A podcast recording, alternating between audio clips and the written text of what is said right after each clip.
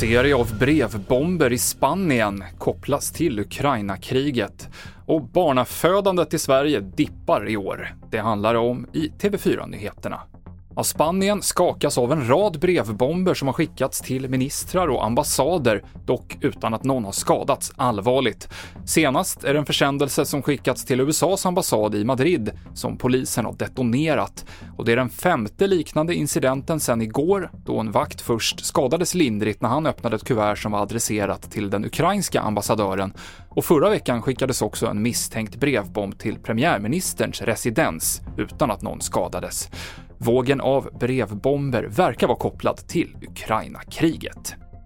Det pekar kraftigt uppåt för Socialdemokraterna i SCBs första partisympatiundersökning efter valet.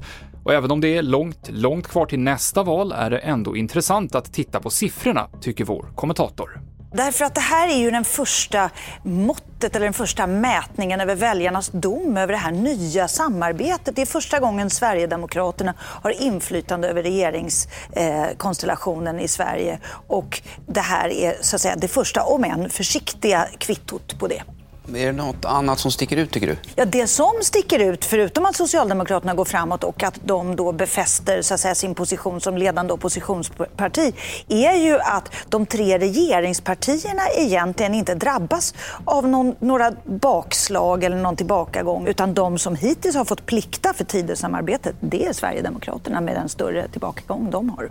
Det sa Ann Tiberg till Peter Lindgren. Många hushåll kommer få elstödet utbetalt på en avi och riskerar därmed att få tusentals kronor i kontanter eftersom Försäkringskassan inte kommer kunna ta fram kontonummer till alla som ska ha stödet.